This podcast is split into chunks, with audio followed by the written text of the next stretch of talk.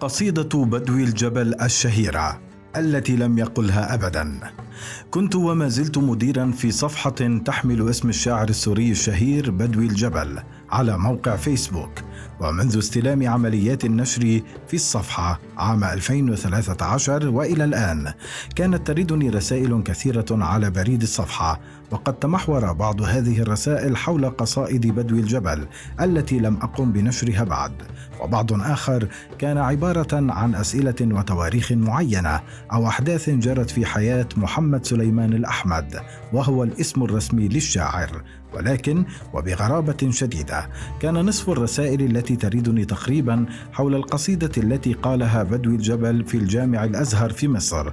وطبعا كانت غالبية الطلبات نرجو تكملة القصيدة لأننا لم نعثر لها على تكملة وكنت أجيبهم في سري. ولا بعمركم رح تلاقوها طبعا القصيدة المذكورة فيما سبق ما هي إلا خيال شعبي مورث عن حادثة خيالية جرت مع بدو الجبل في أثناء وجوده في مصر بمناسبة إحدى الفعاليات الشعرية آنذاك وكان من المقرر أن يلقي بدو الجبل قصيدة في الجامع الأزهر ولكن قبل وصول الدور إليه قام أحد الخبثاء بسرقة الورقة التي كتب عليها البدوي قصيدته كي يحرجه أمام الجمع الغفير.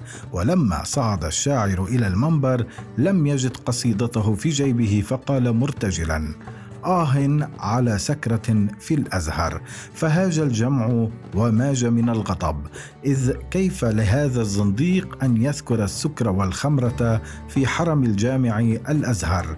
فقاطعهم بدوي مسرعا ومكملا من خمرة الله لا من خمرة البشر. طبعا وهنا تنتهي القصة. وتنتهي القصيدة العصماء المؤلفة من بيت واحد مكسور وقد بذلت جهودا حثيثة في إقناع المراسلين وزوار الصفحة بأن هذه الحادثة وهذه القصيدة الشوهاء لا تخص بدو الجبل ولا تمت إليه بصلة. وكانت حجتي أن العظماء دائما ما تحاك عنهم القصص الخيالية تحببا وهذه إحداها. ولكن هالة التقديس التي تحيط ببدو الجبل بين محبيه حالة دون كسر هذه الشائعة. كنت أقول لهم إن بدوي أشرف على نشر ديوانه بنفسه قبل أن يموت وكانت مقدمة الديوان في كتابه أكرم زعيتر الصديق المقرب إليه فمن غير المنطقي أن يغفل البدوي وأكرم زعيتر عن ذكر هذه الحادثة أو حتى التلميح إليها لو أنها حصلت فعلا. ومن الحجج التي كنت أطرحها في نقاشي مع الناس أنه من المعروف أن بدوي الجبل كان حافظا لشعره وكان بكل بساطة يستطيع أن يحرج السارق ويلقي القصيدة غيبا من دون أن يضطر إلى ارتجال قصيدة مؤلفة من بيت واحد مكسور. وقد أيدني في هذا الطرح حفيد الشاعر وهو طبيب مقيم في فرنسا وأخبرني أنه البدوي وبكل تأكيد نفى له هذه الحادثة كما نفاها والده ابن البدوي ولكن كل هذه النقاشات الطويلة لم تثمر شيئا وظلت هذه القصة محفورة في الأذهان. وظلت الرسائل المطالبة بإكمال القصيدة تردني على بريد الصفحة وبكل الحجج التي كان يقدمها كل مصدق للقصة حول أنه سمعها عن أبيه وعن جده وعن أستاذ اللغة العربية.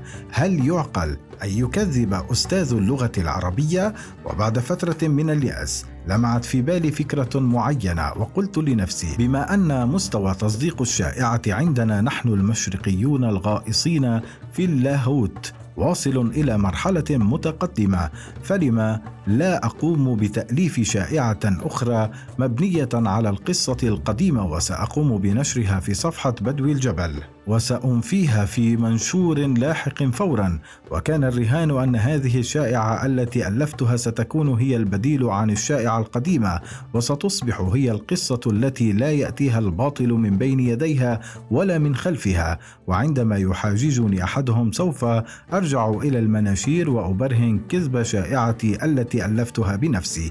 قمت بإكمال بيت بدوي الجبل وإضافة بيتين من نظمي وحاولت أن أقلد دباجته وأسلوبه.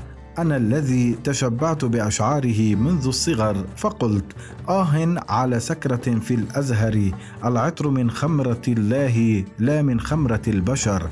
تسفي علينا بلا ذنب غوايتها وتستخف بشد الطائر النضر. مرحى لثغر على الكأس يعاندني. وألف مرحى لنار الطور والوطر. وقمت بنشرها على الصفحة وقلت وأخيرا لقد عثرنا على تكملة الأبيات ثم نشرت تكذيب هذه القطعة في اليوم نفسه. الآن وبعد نحو ثمان سنوات من هذه الحادثة إذ قمنا ببحث بسيط على محركات البحث عن هذه القصة. سوف نجد هذه الأبيات الثلاثة بعينها منشورة في جميع المواقع مع القصة الخيالية نفسها. ويحلف الجميع أغلظ الإيمان على أن هذه الأبيات قد قالها البدوي في جامع الأزهر وأنهم سمعوها بحرفيتها عن آبائهم وأجدادهم وأساتذتهم. ومن التعليقات الطريفة على هذا المنشور تعليق لحفيد البدوي قال فيه والله لو قام البدوي من قبره وأقسم لهم بعظام رقبته أن هذه القصة كاذبة وأنه لم يقل قصيدة مؤلفة من بيت واحد لكذبه البعض وقالوا له شو بعرفك أنت؟ والمضحك في الأمر أن القصة التي يتم نشرها اليوم قد أضافوا إليها أبياتي وأضافوا خاتمة لها أكثر إثارة وهي قول البدو عندما كان يروي القصة لأجدادهم. والله لقد رأيت والدي الشيخ سليمان الأحمد متجليا وماثلا أمامي ويلقنني الأبيات على المنبر.